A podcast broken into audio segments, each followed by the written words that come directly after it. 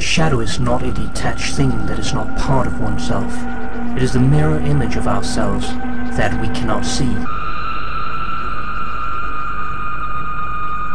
For you will be going against yourself. We all have a shadow walking behind us. It is a part of you, or the embodiment of the devil.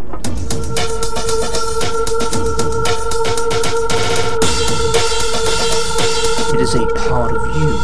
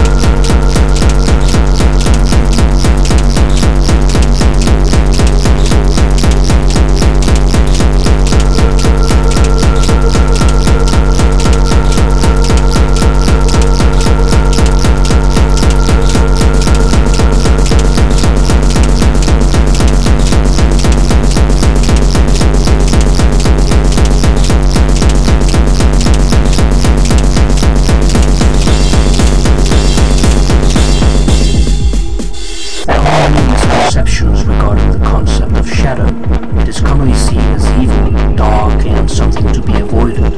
The shadow is a part of you that you don't know. And the self is the figure of Christ.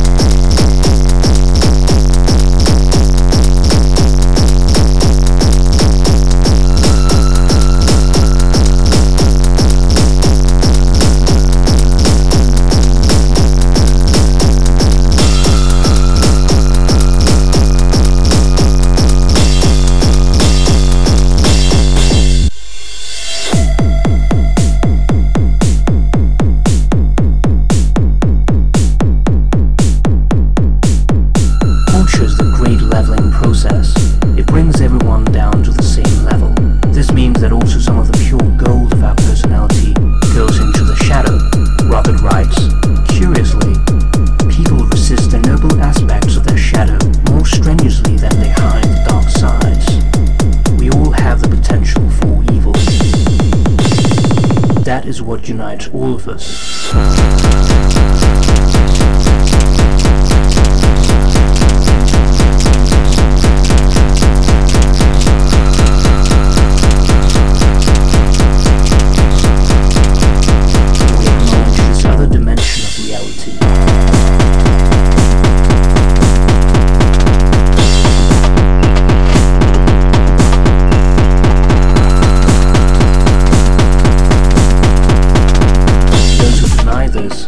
Often those who fall prey to their own shadow.